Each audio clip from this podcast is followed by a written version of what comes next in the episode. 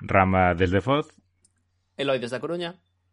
E non é desde Barcelona, isto é Nada Original, un podcast no que a orden dos capítulos contradice bastante o nombre. Empezamos.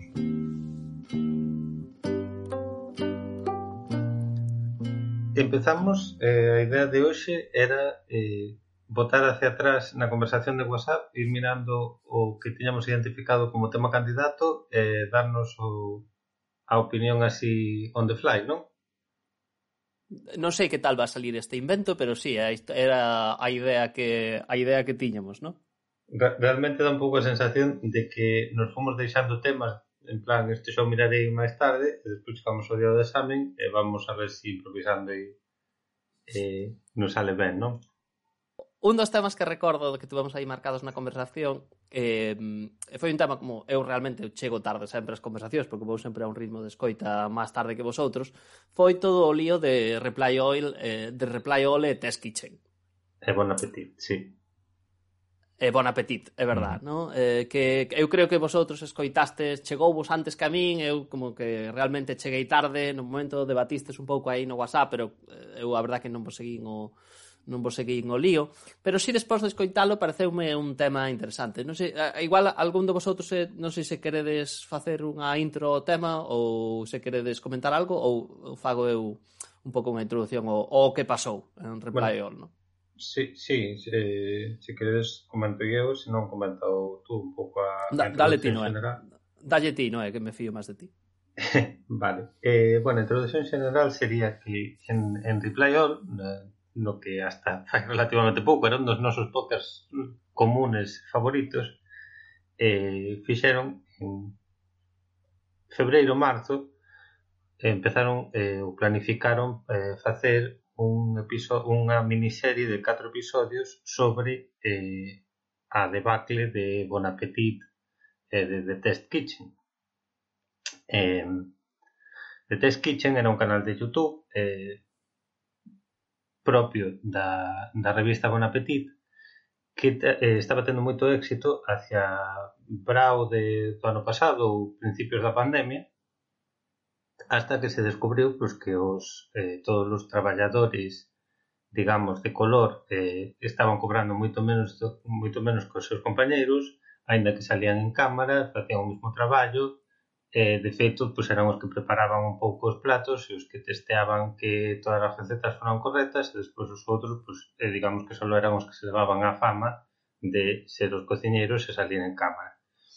E entonces descubriuse ou empezaron a protestar dicindo, oye, realmente vosotros estades vendo aquí unha, unha realidad como multicultural e, e moi bonita e nosotros realmente pues, estamos cobrando menos, estamos sendo peor tratados, estamos eh, temos unha categoría inferior dentro da, da propia empresa e a partir de aquí eh, moitos deles foronse da empresa a, digamos, a todas as boas intencións ou as boas vibracións que daba a xente ao público en general o canal de Youtube pois eh, evaporáronse en cuestión de horas e desde aquela, bueno, é máis que realmente non sei se vos fijates alguna vez, pero pero efectivamente as, as o número de visitas é alucinante a caída que pegou de millóns a decenas de miles eh, en cuestión de días. En vídeos de, de julio a mellor fa un,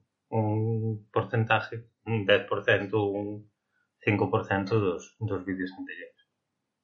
Bien, a cuestión é que eh,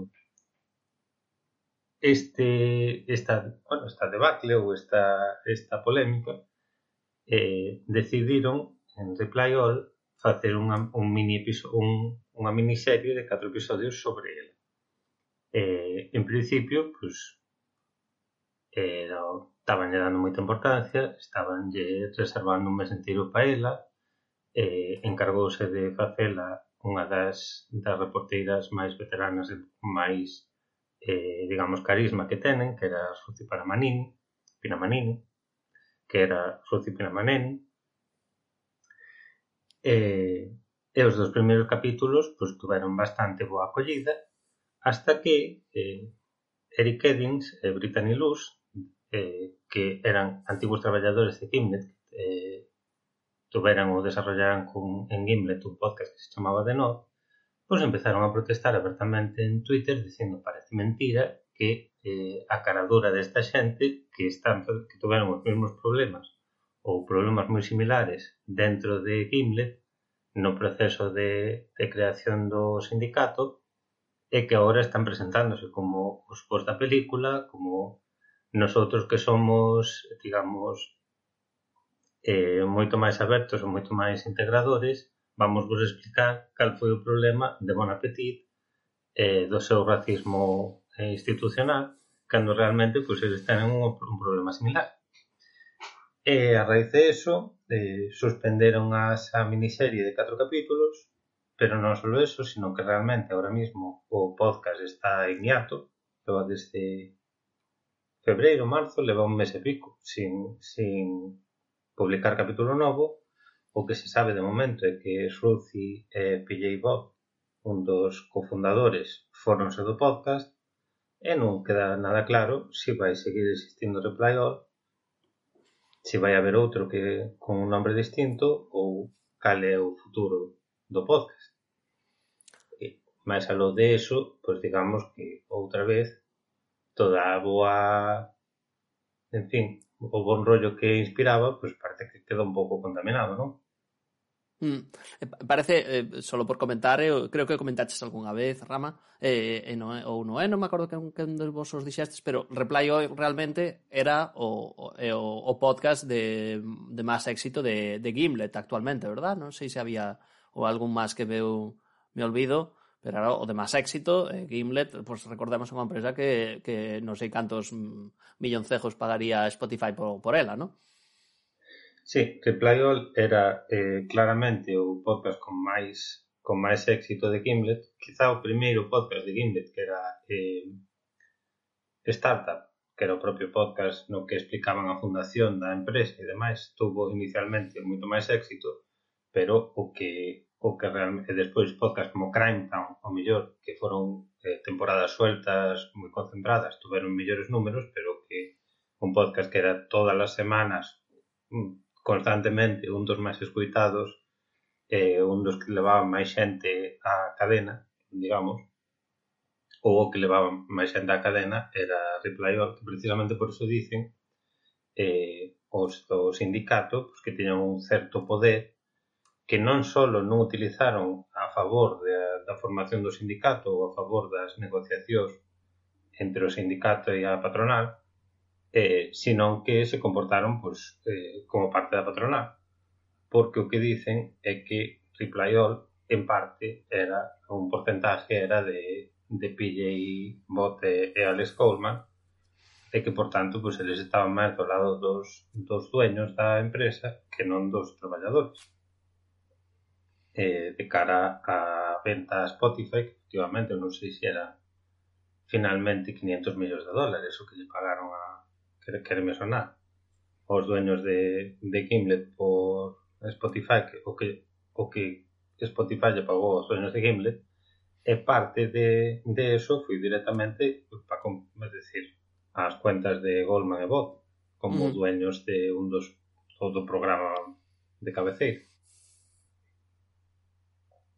Eu, a, mí, a mí todo isto, a verdade é que eu eso, ¿no? Como cando comentastes, pois pues, eu naquel momento dixen, Va, vou, vou esperar a escoitalo e tal e cual, pero despois aínda tardou aínda tardou bastante en que o escoitara, ¿no? Pero a verdad que sí que sorprende moito, ¿no? De inda que poñéndome poñéndose un no peor, como que di, no peor dos casos de de no peor dos casos, no peores escenarios de moralidade dos, dos agentes ou das persoas involucradas nesto, eh, un pouco o de non ver o o terremoto que se che viña encima con sacando un, un, un, unha serie como Test Kitchen, ¿no? De tú, polo que soubemos despois, pois eh, PJ eh, eh, bueno, PJ sobre todo seguramente pois recordaba polo menos que tuveran incidentes co, cos, cos temas do sindicato internamente, ¿no? Como para eh, olvidarse de que tuvera eses incidentes e sacar unha serie de podcast que eh, que falaba sobre un tema tan parecido, ¿no? De non prever a estas alturas unha persona, unhas personas, entre comillas, tan, info, tan informadas sobre... Recordemos que Reply All é a podcast about the internet, ¿no? Eh, eh, mm. olvidarse de alguma maneira de que unha cousa como esta se pode volver viral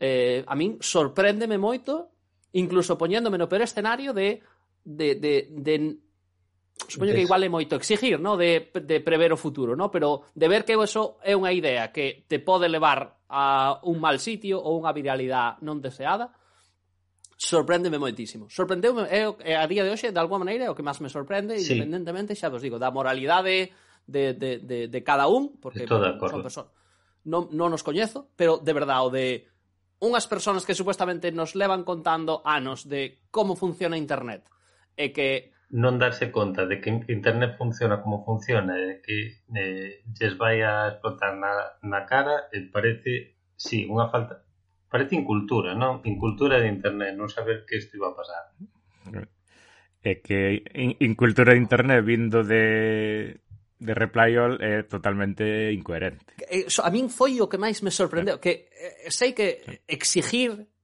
en, en hindsight, no? de, despois de que pasen as cousas, exigir que a xente tibera predecido o futuro é, é moi, como que di, é moi on topic con este ano de pandemia, ¿no? Pero eh, e é demasiado exigente, pero de verdad que estaba escoitando os Test Kitchen, ¿no? Estaba escoitando ese igual vosotros escoitástelo o, eh, o principio, ¿no? Pero eu cando os descarguei, pois pues digamos, os episodios de Test Kitchen levan un disclaimer ao principio de Alex Goldman dicindo que, eh, bueno, un pouco o que pasou, narrando os incidentes e dicindo que están tomando en serio, facendo introspección e todo eso, ¿no? Isto está como disclaimer... In... Le, levan ese disclaimer despois, cando os escoitaches tú, pero non, non nos levaban originalmente. Exacto, de feito, eh, exacto, ¿no? Eu cando os escoitei, xa levaban un disclaimer, pero igual vosotros, se os escoitastes a tempo, non tiñan nada de eso, ¿no? Entón, eu, para min, a, a reproducción empeza con ese disclaimer. Entonces, ver claramente como están dicindo eso, ese disclaimer, que é verdad que está posto a posteriori, e despor velos falar, ¿no? de, de pues eso, da verdad que desde unha posición entre comillas moralizante realmente, ¿no? De eh, é, un, é, un, é un podcast claramente de dar leccións. Sí, sí. Eh, a mí eh, eh, a mí teoría. Deixoume deixoume eh, totalmente anonadado. Cal é a teoría? Eu teño no? unha teoría Eh, a miña teoría é que eu si, xa teño falado aquí de, de Reply All anteriormente neste podcast. O que me gustaba de Reply All, ou unha das cousas que me gustaba de Reply All, é que son eh, moi temerarios en como tratan os temas e como e como entran nas historias.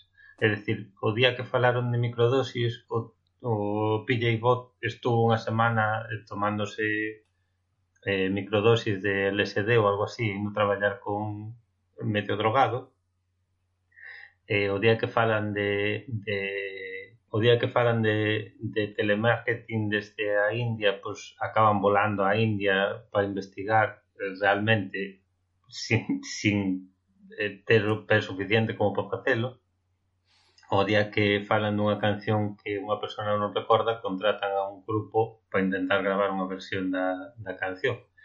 Eh, tenen esa maneira de facer eh, periodismo que é un pouco gonzo, un pouco vámonos tirar de cabeza, eh, a parte a logo a nosa propia investigación, o noso propio proceso, o noso propio personaje é parte da historia que acabaremos contando, e dá má sensación de que cando fan de Test Kitchen ou cando planifican de Test Kitchen, desde o principio parte da historia, o capítulo 4, posiblemente, iba a ser identificamos eses problemas en, en Bon Appetit, moralizamos sobre eles, pero, e aquí ven o noso terceiro acto, nosotros tamén tivemos o mesmo problema, eh, nosotros eh, tampouco somos eh, xustos e vos eh, e todo o, o Morales que pretendíamos nos tres primeiros capítulos é que o último cuarto iba, o último acto iba a ser estes eran os nosos problemas e estes son as nosas solucións supostamente, ou estes son as nosas acto de contrición, polo menos. Dame eh, esa sensación é un pouco sacada da, do aire eh, pero dame esa sensación porque decían que Suzy Panamanini quixo entrevistar a Eric Eddings en, en no, de cara a este a este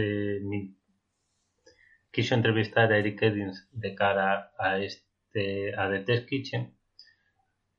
E escuitado eu escuitino no momento e despois eh, antes da polémica e despois eh, non volvín a escuitalo pero dá a sensación ou quixen recordar eh, que os mensaxes que empezaba a soltar de eh, eu tamén tuve problemas anteriormente eh, para identificarme con outra xente de color dentro da miña empresa eu tamén pensei eh, que digamos que os meus méritos falaban eh, por, mi, eh, por min eh, que a xente que pretendía eh, que os tratasen mellor a base de pelearse internamente dentro da, da organización da empresa e pedindo eh, máis reconocimiento e tal, pois que estaban facendo dunha maneira que me perjudicaba e tal. Dá má sensación de que eh, estaba empezando a edificar pois a idea de de cara ao último capítulo mellor eh, soltar esa historia. Pero bueno, eh, que sei eu, é unha teoría que teño que tampouco eh, que tampouco teño máis demostración. E a cuestión é, e tú dices, e por que foron tan incultos, ou dixemos antes, por que foron tan incultos de pensar que isto non se lles iba a vir encima? E a, a cultura, a única maneira que teño de excusala é de decir, non, non, non, non, que, que se enchesen de, de razóns de decir, non, non, non, efectivamente, vamos a ter un pequeno blowback, pero despois vamos es, vamos a acabar a a miniserie dicindo no, claramente este é o noso este é a nosa posición agora, reconocemos os errores eh, e digamos este último capítulo da miniserie que ao final teria sido aguantar a polémica durante 10 días máis hasta ser capaces de, de editar o último capítulo e decilo e se houvesen aguantado e houvesen tal, pois terían acabado nun alto moral digamos de decir, oi, non solo non estábamos dando leccións, senón que reconocemos que nosotros tamén nos, nos equivocamos e que eso justificaría a, a, a miniserie, logo, a existencia da miniserie. E dá má sensación de que si eres eh, Jordi Panamanín eh, e PJ Bot e todo o mundo che ten dito o bon reportero que eres e o moito que te aventuras e o gonzo que eres e tes esa idea de decir vamos a utilizar a nosa propia polémica interna para facer boa radio, non hai maneira de que alguén che diga non, isto vai explotar antes, non vai ser capaz de aguantar a audiencia durante un mes inteiro sin que edinse luz eh, empecen a falar por afora, non deberías facer isto, non te metas neste bar. Eu creo que son que, que, non, que se encheron de razón e que dixeron, non, non, vámonos meter no barro e vamos salir máis limpios e vamos salir con millóns reporteros e vamos a quedar de guai. Interesante, interesante teoría, non é? Eh? Eu non pensara, pero basicamente un pouco unha Unha, un intento de, como que di, a vez expiación e, e, e non de previsión, non de falta de previsión do que iba a pasar, non? senón de, de infra... Exceso de ambición. De exceso de ambición, eso é, no? De... Mm de volar máis cerca do sol do que eso debería. Es, eso sí. eh, eh, de todas maneras, en ese caso, claro, se fuese así preparado, pode ser que, entre comillas, que agora, visto toda a pelea, como que o último capítulo que eh, a, a seus propios ollos se quede corto, ¿no? Pode ser esa un pouco a idea, ¿no? É que por eso non o sacaran. No, bueno, o último capítulo, o sea, o que dicen é que non o sacaron porque a raíz da polémica dimitiu do programa eh, Suci Panamanini dimitiu do programa Pillebot que era o report, a reporteira e o editor principales e digamos claramente o ímpetu detrás do, do mini proxecto e o que dixo Alex Goldman foi que a reporteira que, que gravou as declaracións eh, xa non está na empresa ou xa non está no programa ou que seña e o editor que se estaba editando xa non está no programa e non é ni sequera moralmente razonable que collamos as grabacións de outra persona que as utilizamos nosotros.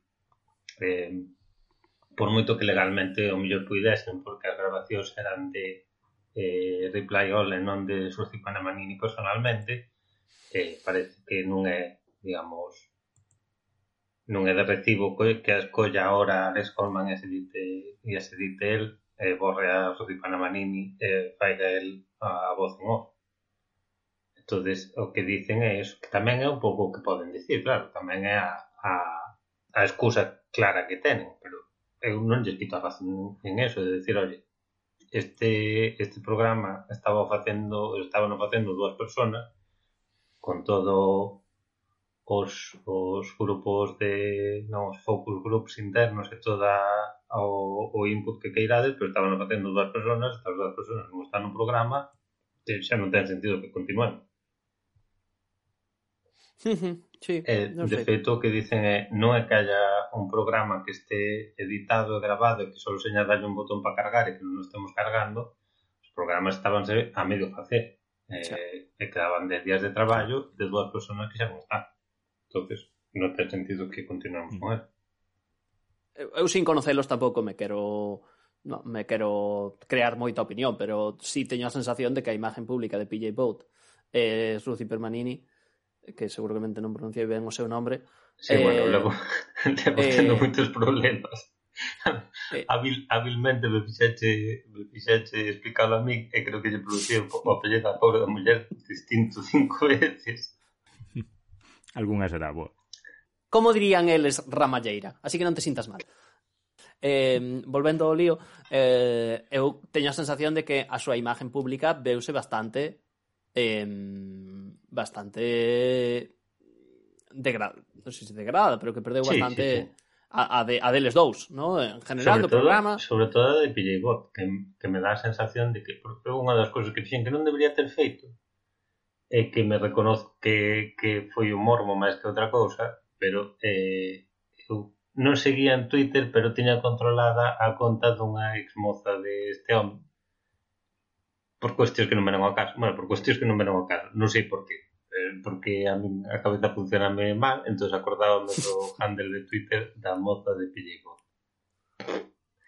Eh, ocorreu se me mirar unha semana despois, por morbo, e efectivamente a muller dixo, bueno, pues estas eh, estrategias manipuladoras que dicen que utilizaban a na empresa e demais que se ipades que non as facía só na empresa que se ipades que en a súa vida personal é unha persona manipuladora, etc. O, sal, o sálvame dos podcast. Sí, sí, o sea, tampouco quixen mirar máis. Digo, bueno, mira, hasta aquí chegou. Non porque queda salvarlle a, a imagen mental que teño de PJ Bot, sino porque, bueno, por, querer salvarme a imagen mental que teño de mí mismo. Digo, pues mira, hasta que me echou o, morbo de, do asunto.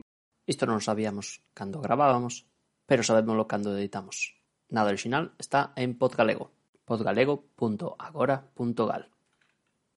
creo que, eh, como xa vos digo, como eu vos leo tarde, ou eh, leo vos no momento, pero como non estou enterado, teño que, despois ten que avanzar a miña vida para que despois volver a relervos. Creo que unha, unha pregunta que nos fixeches no é, tamén no, no WhatsApp era a quen vos jodía que cancelasen. E creo que estaba sí. relacionado con isto, verdad? Sí, sí, foi, foi a sí. raíz de eso. Ahora mismo estamos a 2 de abril de 2021. Eh, Alex Coleman pechou a súa cuenta de Twitter pillei volta volve a retuitear despois do mensaje de, de contrición e da nota de WhatsApp de, o sea, da nota de, de app, da app Notes na que na cual fai un mensaje de contrición. E, e o último mensaje de Reply All é de, en Twitter polo menos é ao anuncio de que, de que escribían, o sea, de que publicaban no seu feed a súa propia nota de aí estamos moi arrepentidos, isto é un mensaje staff que eh, por favor non nos juzguedes a nosotros como juzgades a que llegou personalmente.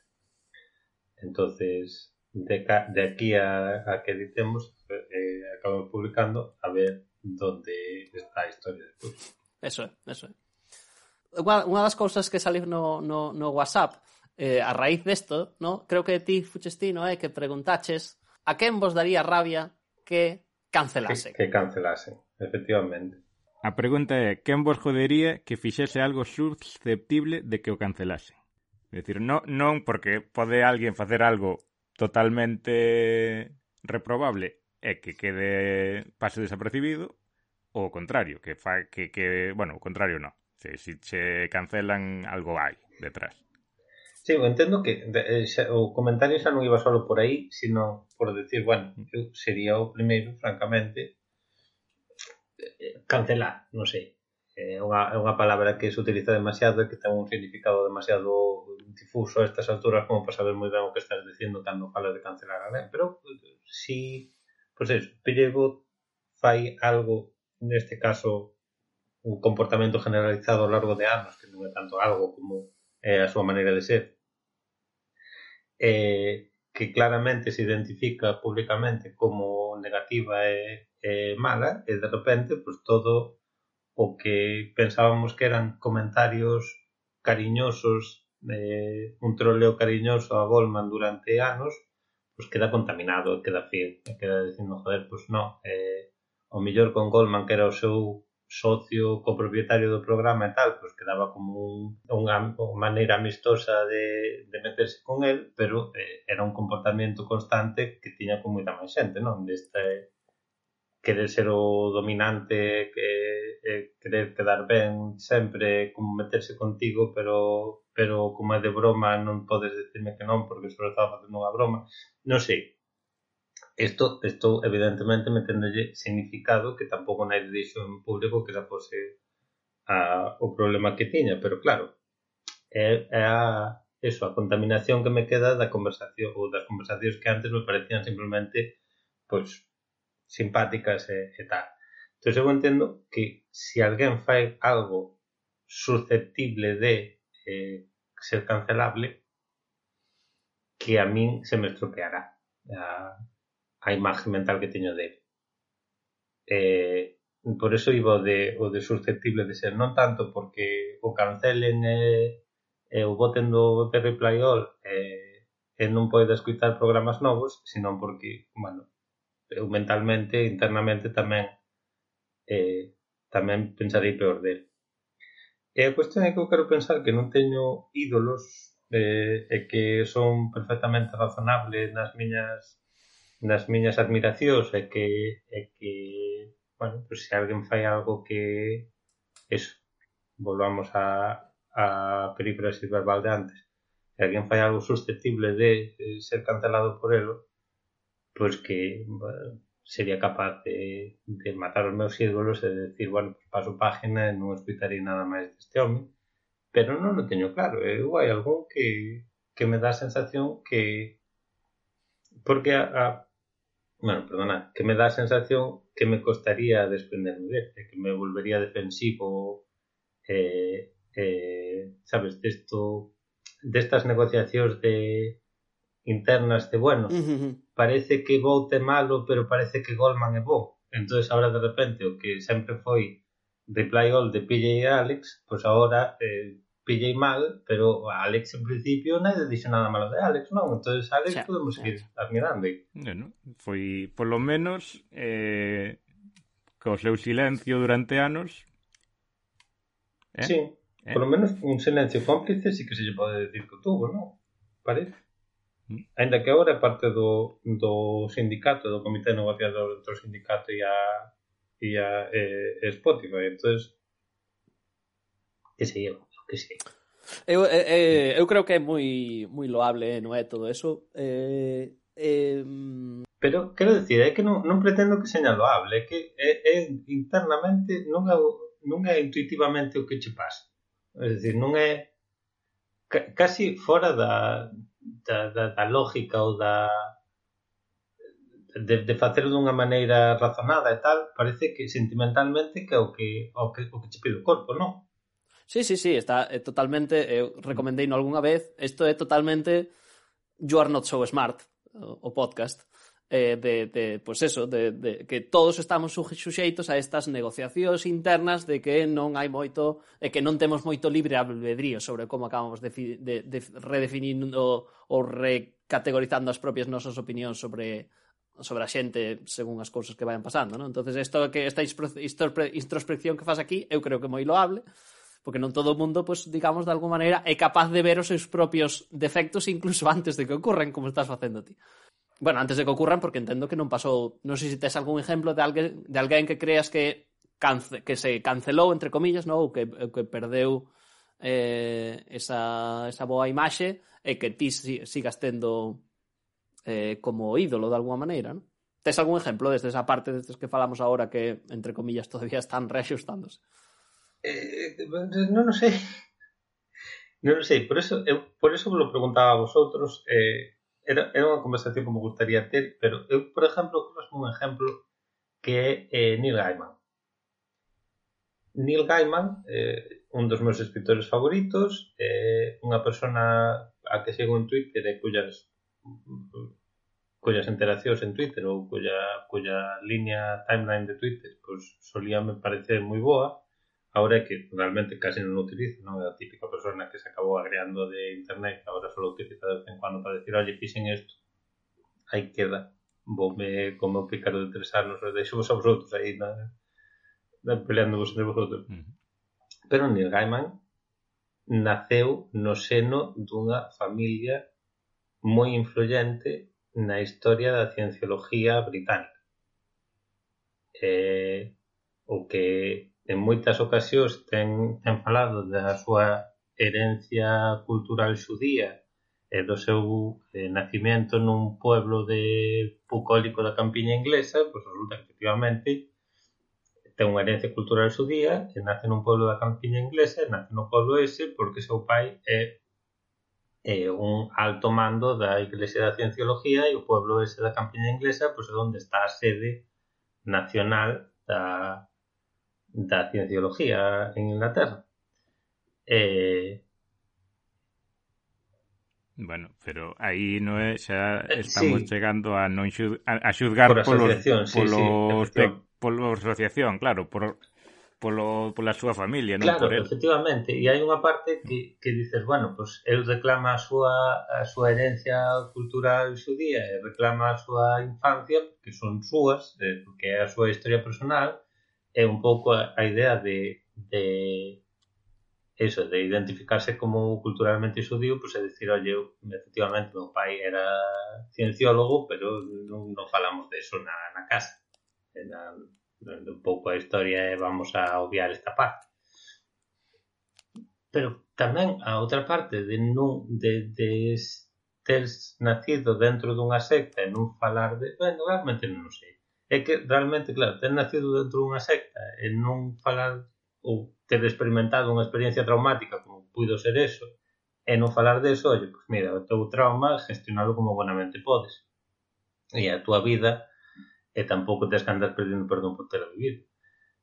Si, non sei, non teño claro si, si isto son eu intentando justificalo ou é unha posición ainda razonable eh, porque tampouco é, a historia non é entera como la estou contando agora. Isto é bueno, que recordo de ter leído nun pasado e tal, tamizado pola miña propia eh, pois a miña, a miña propia admiración a, hacia Neil Gaiman e pola, polo cariño que, que lle teño que probablemente pois, haya cousas máis graves das cuales agora mesmo non me estou acordando cousas máis eh, culpabilizadoras cal é a palabra que busco non me acordo cal é a palabra que busco No, é que, a ver, eh, pero realmente todo isto estás buscando unha polémica Neil Gaiman que existe realmente, é a primeira noticia que teño. Es decir, de, de, alguien, de algún tipo de reacción da sociedade hacia Neil Gaiman. O sea, alguén que puxera en Twitter sí, alguén o sea, este eu, tío de alguma maneira pasado cheguei, que non falou eh... eu de alguma maneira cheguei a eso. Eh, a historia é que eh, Neil Gaiman publicou fai uns anos un libro que se chamaba eh, El Océano The Ocean at the End of the Day. Non sei como se traduce en España eh, o océano ao final da, da calle ou algo por eh, na cual eh, é unha, é unha novela de Neil Gaiman no cual hai magia e fantasía e tal, pero que bebe directamente da súa infancia e da... hai un personaxe que é claramente un trasunto de Gaiman é dunha historia que é eh, da, súa, da súa infancia de un eh, viaxeiro sudafricano que viviu durante unhos anos na súa casa infantil e no libro o viaxeiro pois, gástase a herencia da súa familia ou perde a herencia da súa familia xugando na, eh, no casino e eh, suicídase. E, e na vida real, pois, o paisano vive na casa de un alto funcionario da Iglesia da Cienciología, que era o pai de Gaiman, e acabamos rendo en extrañas circunstancias e aí xa entramos dentro da da imagen que cada un teña da cienciología, supoño, e da, da, da, da, hasta que punto é culpable a cienciología por defecto de todas as mortes extrañas que pasan ao alrededor, pois tampouco sei. Entonces, sí que hai unha parte de, e sí que houve momento unha parte de decir, oye, este señor está blanqueando unha historia bastante bastante turbia da, da súa propia familia, pero, bueno, de, desta secta neste país. en aquel momento sí que houve unha certa polémica, por iso me, bueno, leín sobre a historia esta, tampouco leín moito, tampouco me acordo de moito, tampouco sei hasta que punto tuvo moita tracción a, a polémica que houve, creo que a, a estas alturas pues, non, non é que a imagen pública de Nirgaima se vese moi afectada eh, por eso. Pero digamos que desde que o escoitei, pues, a, a min quedou unha idea esta de oye, eu a este home estou dando demasiada carta blanca porque me gusta como escribe, ou, ou non, eu era un pícaro de, de tres ou catro anos cando pasou todo isto, non debería culpabilizalo por nada deso, ou por recontar a historia esa, a cual evidentemente non tiene ninguna culpa, pero recontar, recontala blanqueando, eh, digamos que eliminando calquer posibilidade de, de culpabilidade por parte de seu pai. E por outra parte, pues, eh, de teu pai, é unha figura da tua vida, e tampouco queres creer que tuvese, que tuvese culpa, ou sea, que o mellor é ele o que está blanqueando a seu pai casi involuntariamente ou casi, eh, bueno, inevitablemente, non? En fin, eh, estou dando voltas sobre a mesma historia que eu, eu creo que eu creo no é que realmente A ver, ao final aquí todo con eu o igual é que son unha, bueno, creo que seguramente xa sabedes, no, pero eu desde logo non son dos máis das persoas máis preocupadas por a isto que se veu en chamar a cultura da cancelación, no? Como que agora estamos cancelando a xente así porque sí, moi alegremente, no? A xente está perdendo o seu sustento. Non son as persoas que este máis preocupado por este asunto. entonces creo que, por unha parte, seguramente estes casos nos que estamos falando, no? estes, eh, parafraseando ti, estes ídolos, pues, por unha parte, como non están tanto no, no, no, no ollo da opinión pública, pues, ao final, estas opinións negativas pues, non afectan o sustento porque non, non se volven tan virales, creo. E, eh, e, eh, e creo que tío, que máis podes facer é o que estás facendo, que é, unha vez máis, facer un pouco de introspección, eh, sobre eh, o que se che interesa a ti máis ou menos eh, e a decisión que tomes en, eu creo que en general vai estar ben porque é que ti non tes poder para cambiar a opinión bueno. pública nin quitarlle sustento a ninguén, ¿no? Entonces, sabendo que digo nin ti nin eu, ¿no? Entonces que, que incluso nos casos máis nos casos peores desta xente que din que cancelaron ao final pois, pues, oe, pues dentro temos moi pouco poder nosotros, non estamos aquí nunha gran corporación como para decidirse oh, vamos a borrar a, a, a Kevin Spacey da nosa lista de actores. Eh... Mm. O, que, o que me chama a atención é que de Neil Gaiman, por exemplo, isto eu non, eu non tiña nada, nin idea, e dices tú, con Polo como exemplo de, de figura que fai algo susceptible de ser cancelado, pero quer dizer, non, non houbo tal cancelación. Efectivamente, Ou, ou se a houbo foi moi a baixa escala porque, quero dicir, eu non, non me enterei, non é que teña Home, últimamente o mellor sí, pero non, non, to, non vivo debaixo dun, dunha cueva que non me entere de nada. Sí, sí, pero, pero, o sea, o internet máis ou menos sí que sí que me entero das cousas. Pero precisamente, o sea, sí, o, o home non, non foi cancelado, non eh, sigo publicando e sigo... E nin se espera que bueno, seña. En principio non hai razón, pa pero eh, pero por lo que contas parece que se quedou desde, oye, pero hai razón ou non hai razón? É como se si tuveras esa duda interna. É que teño esa duda interna, teño a duda interna de decir, oye, mm. pero pero non de, non da a, a duda interna é miña, de decir, hmm.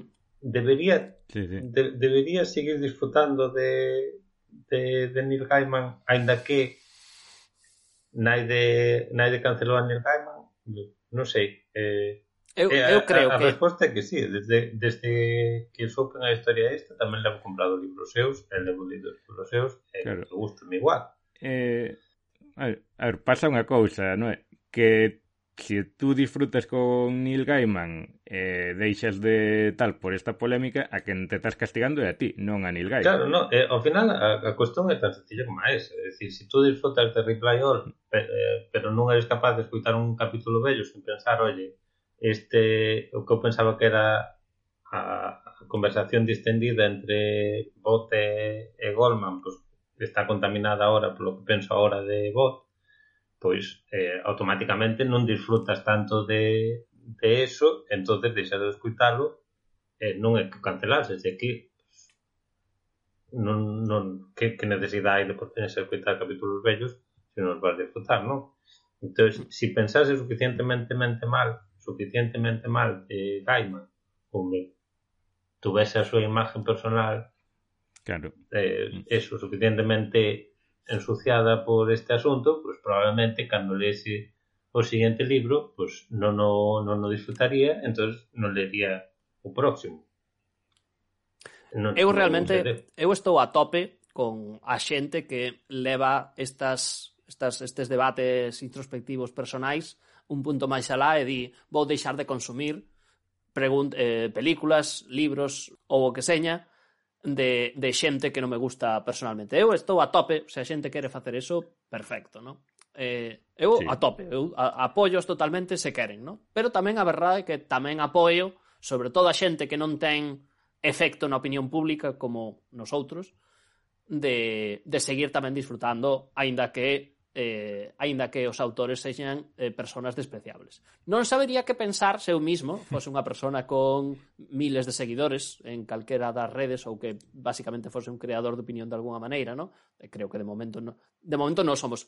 A verdade é que teño teño por exemplo un exemplo que me ven á mente eh, de alguén que fai algún ten algún comportamento ou tuvo no pasado bastante cancelable e tuvo reacción, pero que eu sigo consumindo porque fixen esa fixen ese análisis mental de joder, este tipo pode ser unha persona tóxica na vida real e, e facer cando sale por aí por malasaña, borracho, facer algunha locura pero que me sigue facendo muchísima gracia eh, Ignacio Farray. O sea, son incapaz de cancelar a ese home ainda, bueno, incapaz no, depende do que faga, pero polo, polo que sei, de momento non, non me chegou a, a imagen a, a imagen que teño del non se viu contaminada o suficiente polo seu pasado.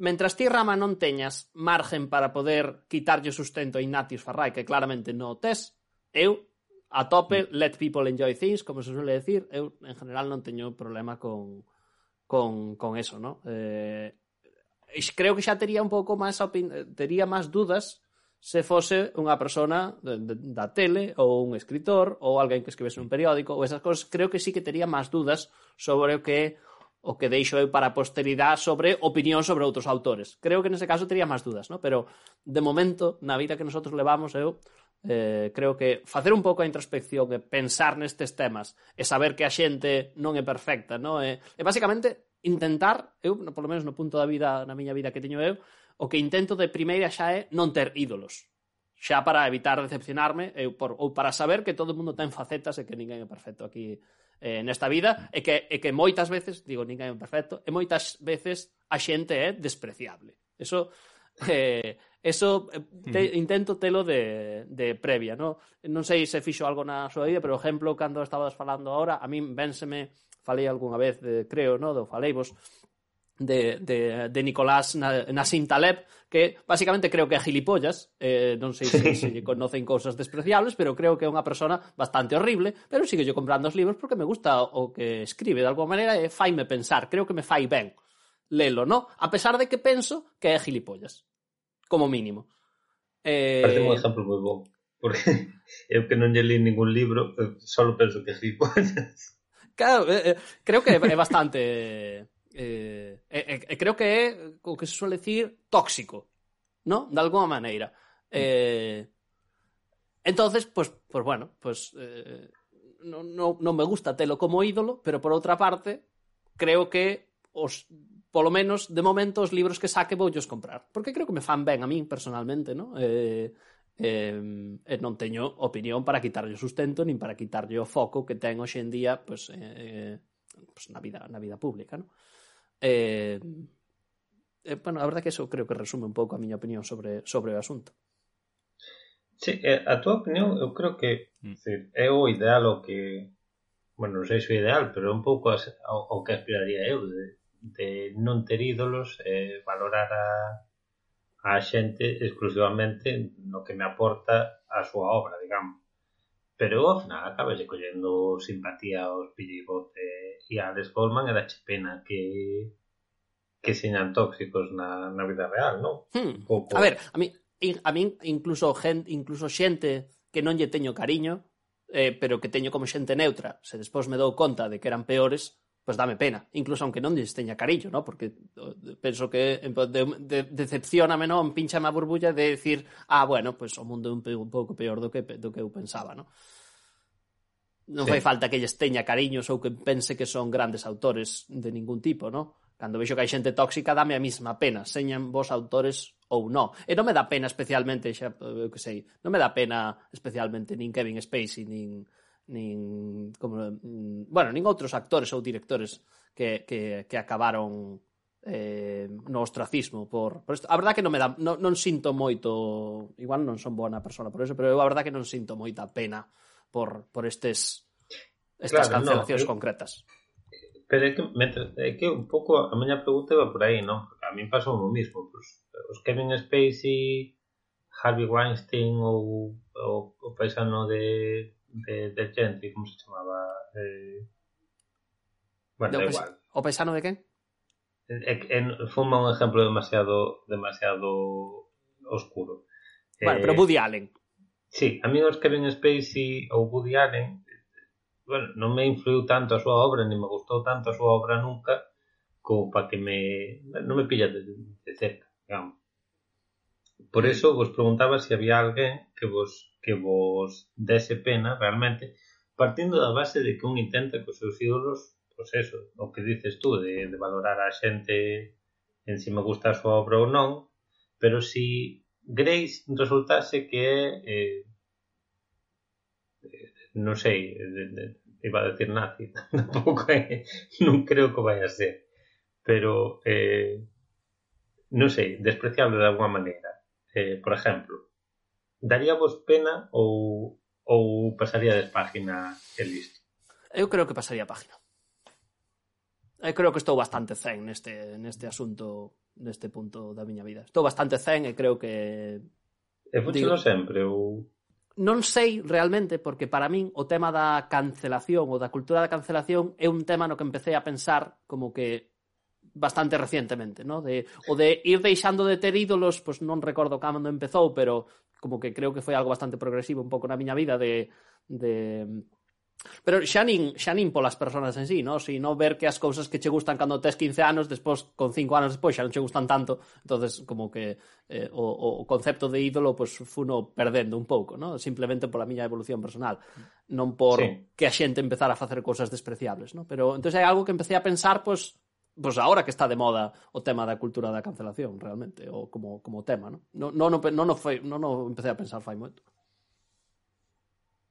Javier, tú opinas algo? Eh, respecto? que, eu, a verdad que ídolos, cando me preguntaches, a verdad que me deu bastante... A quen carallos miro eu? O sea, tú, costoume, costoume bastante pensar en alguén.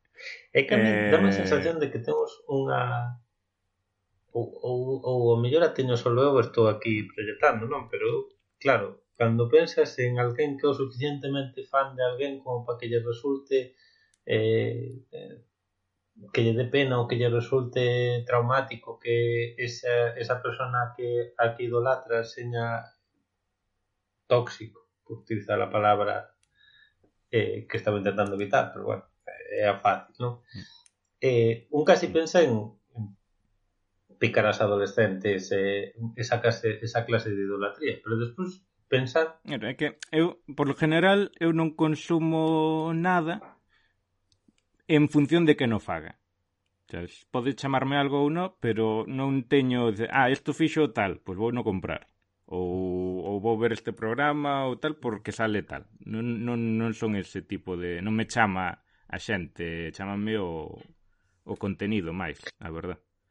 Seguro que seguro que podo buscar algún exemplo que me que me que me vamos, que vayan na miña contra, que me leve a contraria a min mismo. Pero pero non e non é algo que faga de forma racional, é algo que ah, mira, isto faime gracia ou isto pareceme interesante. Pero a cousa ou, ou non a non a persona pois non, non, non me solo moitas veces nin sei quen fai as cousas. E, e, e, e sorpréndeme, por exemplo, a capacidade que ten, pois tú, por exemplo, non é? De en acordarte dos nombres da, da, da xente que sale en podcast en algún capítulo ou que os editores, uh -huh. ou que, hostia, de tú tes unha, unha, unha capacidade enciclopédica para pa saber quen fai que, quen colabora con quen e tal, eu... Concordo. Mm. Eu concordo totalmente, Rama, que Noé ten esa habilidade eh, ten esa habilidade para asignar eh, inmediatamente, casi de maneira automática, o, os autores, os, os, os productores a, a, a, a obra. Que eu realmente non teño, creo que comentamos en algún podcast, no? E de feito eu mismo fixen o traballo de eh, eu escoitaba podcast así un pouco na liña do que dicías ti, Rama, de escoito porque disfruto, eh, eh, e, e non pensaba en quen en quen estaba poñendo o en quen estaba quen era o autor de nada, e empecé a facer a raíz de pues, escoitar a, a Noé, bueno, a ti Rama un pouco tamén, pero creo que é verdad que tal como dixetes que non chegamos a, ao nivel de ao nivel de Noé. Claro, é que o mellor, o mellor aí hai unha diferencia entre nosotros. Eu, igual, é unha cousa que non faigo conscientemente, é unha cousa que fai, que me sale sola, é que me dá a sensación de que eh, o os medios de comunicación a estas alturas que en gran parte é o funcionamento que tenen, non? De, eh, todos os periodistas tenen o seu propio Twitter, eh, todos, digamos, establecen a súa marca personal ou a súa... Eh,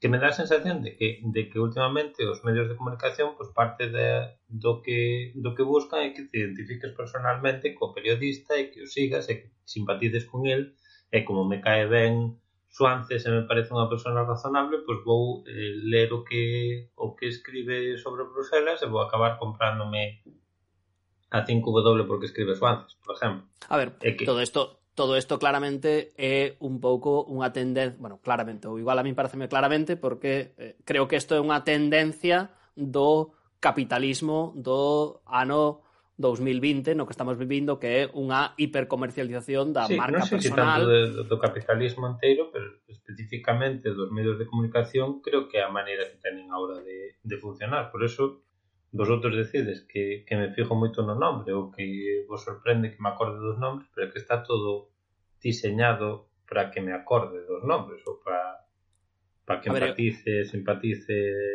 eh, con, cos periodistas preparado, non?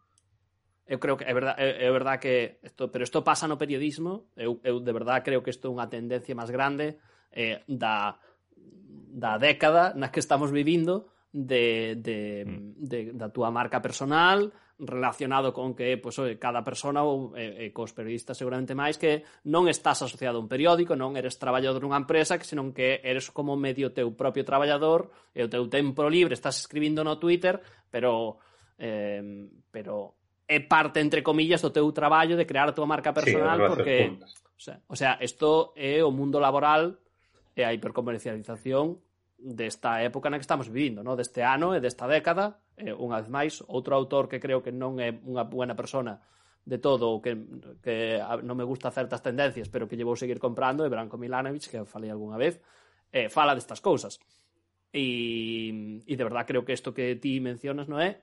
está, están os incentivos todos para que nos intentemos acordar do nombre das persoas e sigamos a persoas particulares, están todos os incentivos para que os fagamos. Ainda así, ti títelo automáticamente eh, eh, non sei, tes unha capacidade para asociar máis que nosotros, que penso eu. Eh? Sí, a ver, é, é que particularmente eu mm, xa, costame moito acordarme da, dos nombres da xente, incluso eh, en obra pásame xente con que interactúo todos os días e non sei como se chama. Así que, pues, che, chegando a ese punto estamos. Además, eh, eh, eh, Rama, unha, tú cando Noé fixo a pregunta, eu teño curiosidade, tamén vos vou a contar a miña resposta, sí. se queredes, indo un pouco un tono máis un tono máis jocoso. Teño curiosidade, Rama, porque tío, cando Noé fixo esa pregunta, ahora levamos un cacho debatindo sobre o sí. tema, pero ti nese momento respondiches Ana Peleteiro. Pero eh... además, automáticamente, correcto. sin, sin deixarme a min, explicar toda a historia de Gaiman que, que tiña, tiña mm. o muro de texto preparado tú, antes de, de darme esa opción tú dixaxe directamente, a abre aquí e dixen, bueno, pues, aquí se me quedou o muro a explicación sin fácil Sí, pero non porque foi nese momento eh, abrín o caixón na miña mente de personas as que admiro e foi a primeira que apareceu. Así de simple, sin. Así de simple, e non sei Tampouco a sigo especialmente. Teño que eh. decir... Solo sei o... Se, mira, teño que decir nese caso, eu ¿Sí? quedeime, quedeime en plan coa idea de decir, ai, por que sería? Porque, además, eu, esco... eu vin a entrevista de Broncano na Resistencia e non me caeu nada ben. Ando. Pero bueno, evidentemente é un escenario moi específico, a resistencia, eu, no? Xa sabéis. eu solo, solo a vin en competicións de atletismo e dando as campanadas na gallega e dando campanadas na gallega con Galloso, pois a rapaza e, foi fixo ben. Pois eu xa vos digo, é verdad que, bueno, non sei se vedes moito a resistencia, pero bueno, unha vez máis, hoxe en 20, no, 20, no 2021 eu creo que a resistencia é un tema como bastante mainstream, como para que todo o mundo saiba o que é. E... Sí, de que acabemos de editar o podcast, igual se cancela o Broncano. Eh, pode ser, pode ser, pode ser. É unha, é unha persona susceptible de ser cancelada, é verdad. Eh, pero... Susceptible de meter a pata, seguro, pero... Sí é, é, un, é un escenario un pouco particular, ¿no? Entonces, pues bueno, eu entendo que non todo o mundo pode salir como simpático de, de ese escenario, pero a realidade é que non me pareceu simpática na Peleteiro, teño que dicilo todo. Eu, en calquer caso, non me importa e nin me cambia para admirar os seus éxitos deportivos. Correcto. A ver, igual que Michael Jordan no documental que lle sacaron ano pasado, aparece, parece un tío totalmente, o sea, como persona horrible, que a ver o que dices del que vai tomar personalmente e despois claro. vai vir aquí a facer un mataca. Vai me retar, sí. No, que veña, que veña a facer un podcast con nosotros, a ver. Reto aquí personalmente. Michael, no hai huevos. En... Vale, pois eso. Eh, o tío, pois, profesionalmente no baloncesto era era un, un dios na, na pista. Pero bueno, despois como compañeiro creo que daba bastante como persona en general, ¿no? Bastante de, de ser un pouco sí. psicótico. Sí. Vale, pois pues es. Que se toma todo moi a peito. A ver, supoño que tamén hai un pouco... O, no, os extremos do éxito moitas veces pois pues, tamén son extremos en algunha parte, mm. obsesivos, no? Eu creo que tamén que estas cousas pasan, no? Cando chegas ao, ao máximo de calquera profesión que ti teñas ou habilidade, pois pues, empeza a ser habitual, no? que, que señas un pouco obsesivo na dedicación e eso correlacione con obsesivo noutros temas, non? Sí, un pouco capullo, digámoslo claramente. Sí, final, sí, sí. Mm. Eu non sigo... a decir obsesivo e tal, xa empezar a, a justificarlo, non? Son un pouco sí, capullo. Sí, sí, pode ser. Sí, sí, pode ser. Sí, sí, gracias, gracias. Bueno, de nada. Pele, vale, pele, Peleteiro non tiña explicación, pero Meg Ryan... Eh, eso, eu, contest, eu contestei eh, cando ante a pregunta esa, que quen nos daría rabia, resumindo a ou simplificando a pregunta, quen nos daría rabia que cancelasen, a miña resposta foi Meg Ryan. Eh, que creo que recibistes con sorpresa, é o que buscaba realmente, non? Por unha parte eh, pero a historia detrás desto é que a historia detrás desto é, bueno, non sei de que conoces a Meg Ryan, pero eu conocía por películas románticas dos 90, basicamente, ¿no? Que creo que basicamente casi todo o mundo que as conoce, ou incluso dos 80 seguramente, pero a mí xa me pillaron demasiado joven. Pero eu recentemente, eh, bueno, non sei, non sei canto, non sei canto hai, pero eh, vin un vídeo de Te lo resumo así nomás, que é un canal que eu xa, un canal de YouTube que eu xa, xa recomendei neste, neste podcast, que sobre todo fai resúmenes de películas así en corto. Eh, pois pues eso, en cinco minutos ou algo así, resume unha película, non? Pois pues, eh, eu, a verdad que disfruto moito, estou suscrito e sigo, sigo vendo, non? E, eh, eh, e, eh, levo un par de anos con isto. Pero a veces fai vídeos un pouco máis extensos donde fala pois, ou dun director, ou dunha película, ou dunha ou analiza algún, eh, algunha tendencia do momento. E fixo un vídeo sobre a cultura da cancelación. Uh -huh. E eh, es un, no, son vídeos máis largos que fan, eu a verdad que tamén os recomendo, tamén me gusta, ¿no?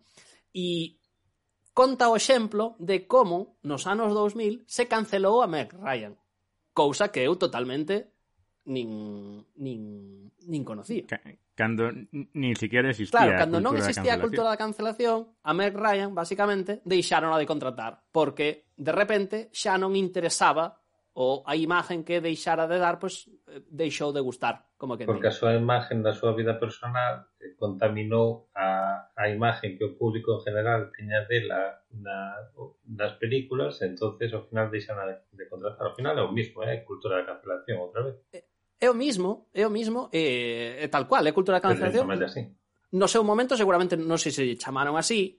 Eu, a verdade que o vídeo fai tempo que no que, que o vin, e no, no revin para este podcast, pero si, te, si, si revisei un artículo por aí, eh, unha das cousas que contan, un par de cousas que contan que foron un pouco o, o punto onde a deixaron de contratar, basicamente, eh, foi foron dúas cousas. Unha que se empezou a, a, a rumorear, bueno, tiña problemas co seu Co seu matrimonio, empezaron, empezouse a rumorear que lle puxera os cornos ao seu marido, tamén actor Dennis Quaid, con Russell Crowe.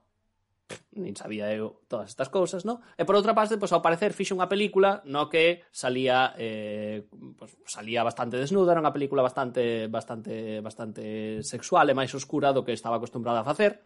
E como que, al final, pois, culparon de ambas cousas, do que pasaba na súa vida personal e eh, literalmente pois de que non preparara a súa audiencia para estas para estes novos roles ou estes novos estes novos personaxes, no? que a culpa é un pouco era dela porque non preparara a audiencia. Non lle gustou a audiencia que non os preparou a bondo e levou unha sorpresa. No? E, e basicamente, pues, ao parecer, pues, deixaron de contratar, entre comillas, non? e deixou de ser a estrella que, eh, que, que, que era. Eu, a verdad, non sabía nin a historia, seguramente era moi joven para estar mirando estas cousas, pero creo que non... Pareceu unha historia interesante, realmente, porque non estaba o término, no? eh, eh, decímolo, hoxe en día falase moito da cultura da cancelación, pero como que seguramente noutras épocas, seguramente indo máis atrás, hai exemplos desto, seguramente por outros temas, no? Pois o mellor era un tema tabú, entre comillas, no inicio dos 2000, que unha muller lle puxese os cornos ao seu marido, estas cousas, ou, ou eso era unha cousa que non era deseable eh, e as, e as, e as e as produtoras empezaron a pensar que eso non era a imagen que querían para as súas películas familiares ou comedias románticas, eh, pero seguramente hai casos e casos anteriores de, de que estas cousas pasaron antes, ¿no? como que non é unha cousa nova. E parece unha historia interesante.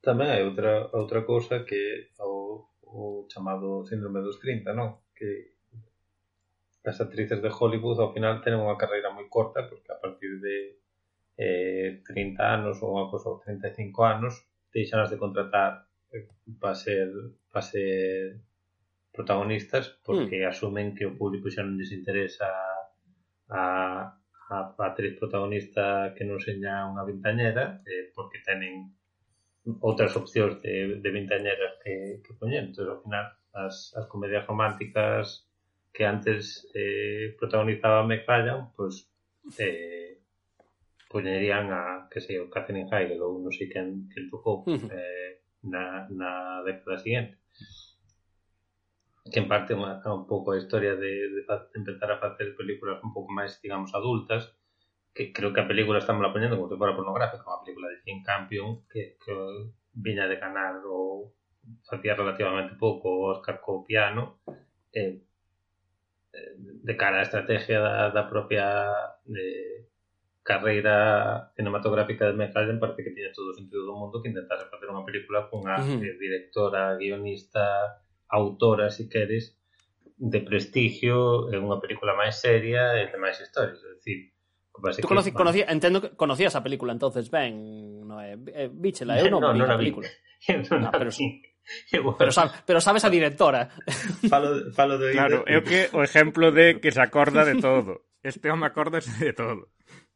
Bueno, sí, non sei. non siquiera podo decir que seña que seña Twitter ou, ou a personalización dos medios de comunicación, isto xa eh, ah, o sabía de antes. Non sei, acordábame. E digamos, non sei hasta que punto ou eso foi cancelación ou, ou propiamente pues, a, a estrutura, se queres, de, de como funcionaba Hollywood aquel. Pero bueno, sí, eh, A ver, eu xa che digo, eu isto tampouco tampouco contesteivos de broma porque evidentemente no seu momento nin agora dame igual que cancelen a Meg Ryan, sinto por ela, se perde o sustento, pero eh, non, non, non teño ningún tipo de implicación con ela eh, de ninguna maneira, nin artística, nin, nin nada, pero... Nin personal. Nin personal, non? Vamos a callar no, esos podemos rumores. A callar esos eh, rumores. Sí. O sálvame dos podcast e do cine. Eh, Pero, pero bueno, básicamente eh, todo eso foi unha medio broma para recomendar recomendarvos a vosotros e a audiencia ese vídeo de Te los Fumasinos más e o, cana, e o canal en xeral, básicamente.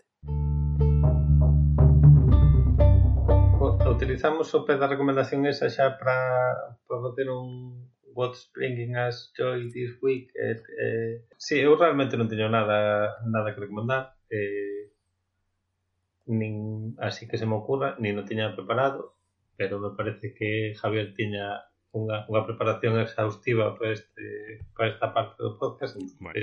por favor, Javier, procede. Tampouco tanto, pero bueno, sí que traigo tres cousas que me fan feliz esta semana e que máis traigo hasta apuntadas. Así que a chapa vou voladar un pouco, sí. Por unha banda, eh, o podcast de Benjamin Golker, Theory of Everything, eh, revisou agora unha serie de capítulos de 2017 que trataban sobre utopías e que abarca desde comunas hippies a sectas paganas ou eh, comunidades autosuficientes de, de prepis, de preppers e tal nesta revisión eh, colleron aos capítulos das... Está moi ben, porque preppers son os que se preparan po, po apocalipsis zombie e prepis son eh, os que van a unha preparatoria e van con palita de cuadros. Vale. sí, pois no, na fixolle gracia no, a miña confusión e a mí tamén, a verdade. Vale. Pois nesta revisión da da serie xuntaron todo eh, nun solo capítulo e eh, mezclaron todos os cortes das entrevistas que fixo Andrew Calloway eh, para esta serie que Andrew ah, eh, Calloway é un, o produtor do, do podcast e, eh, e Walker é o, o host. Eh, Walker nesto pois botouse a un lado eh, Calloway foi o narrador deste capítulo e eh, montou unha especie de narrativa de viaxes. Así explorando distintas comunidades con un estilo de vida alternativo.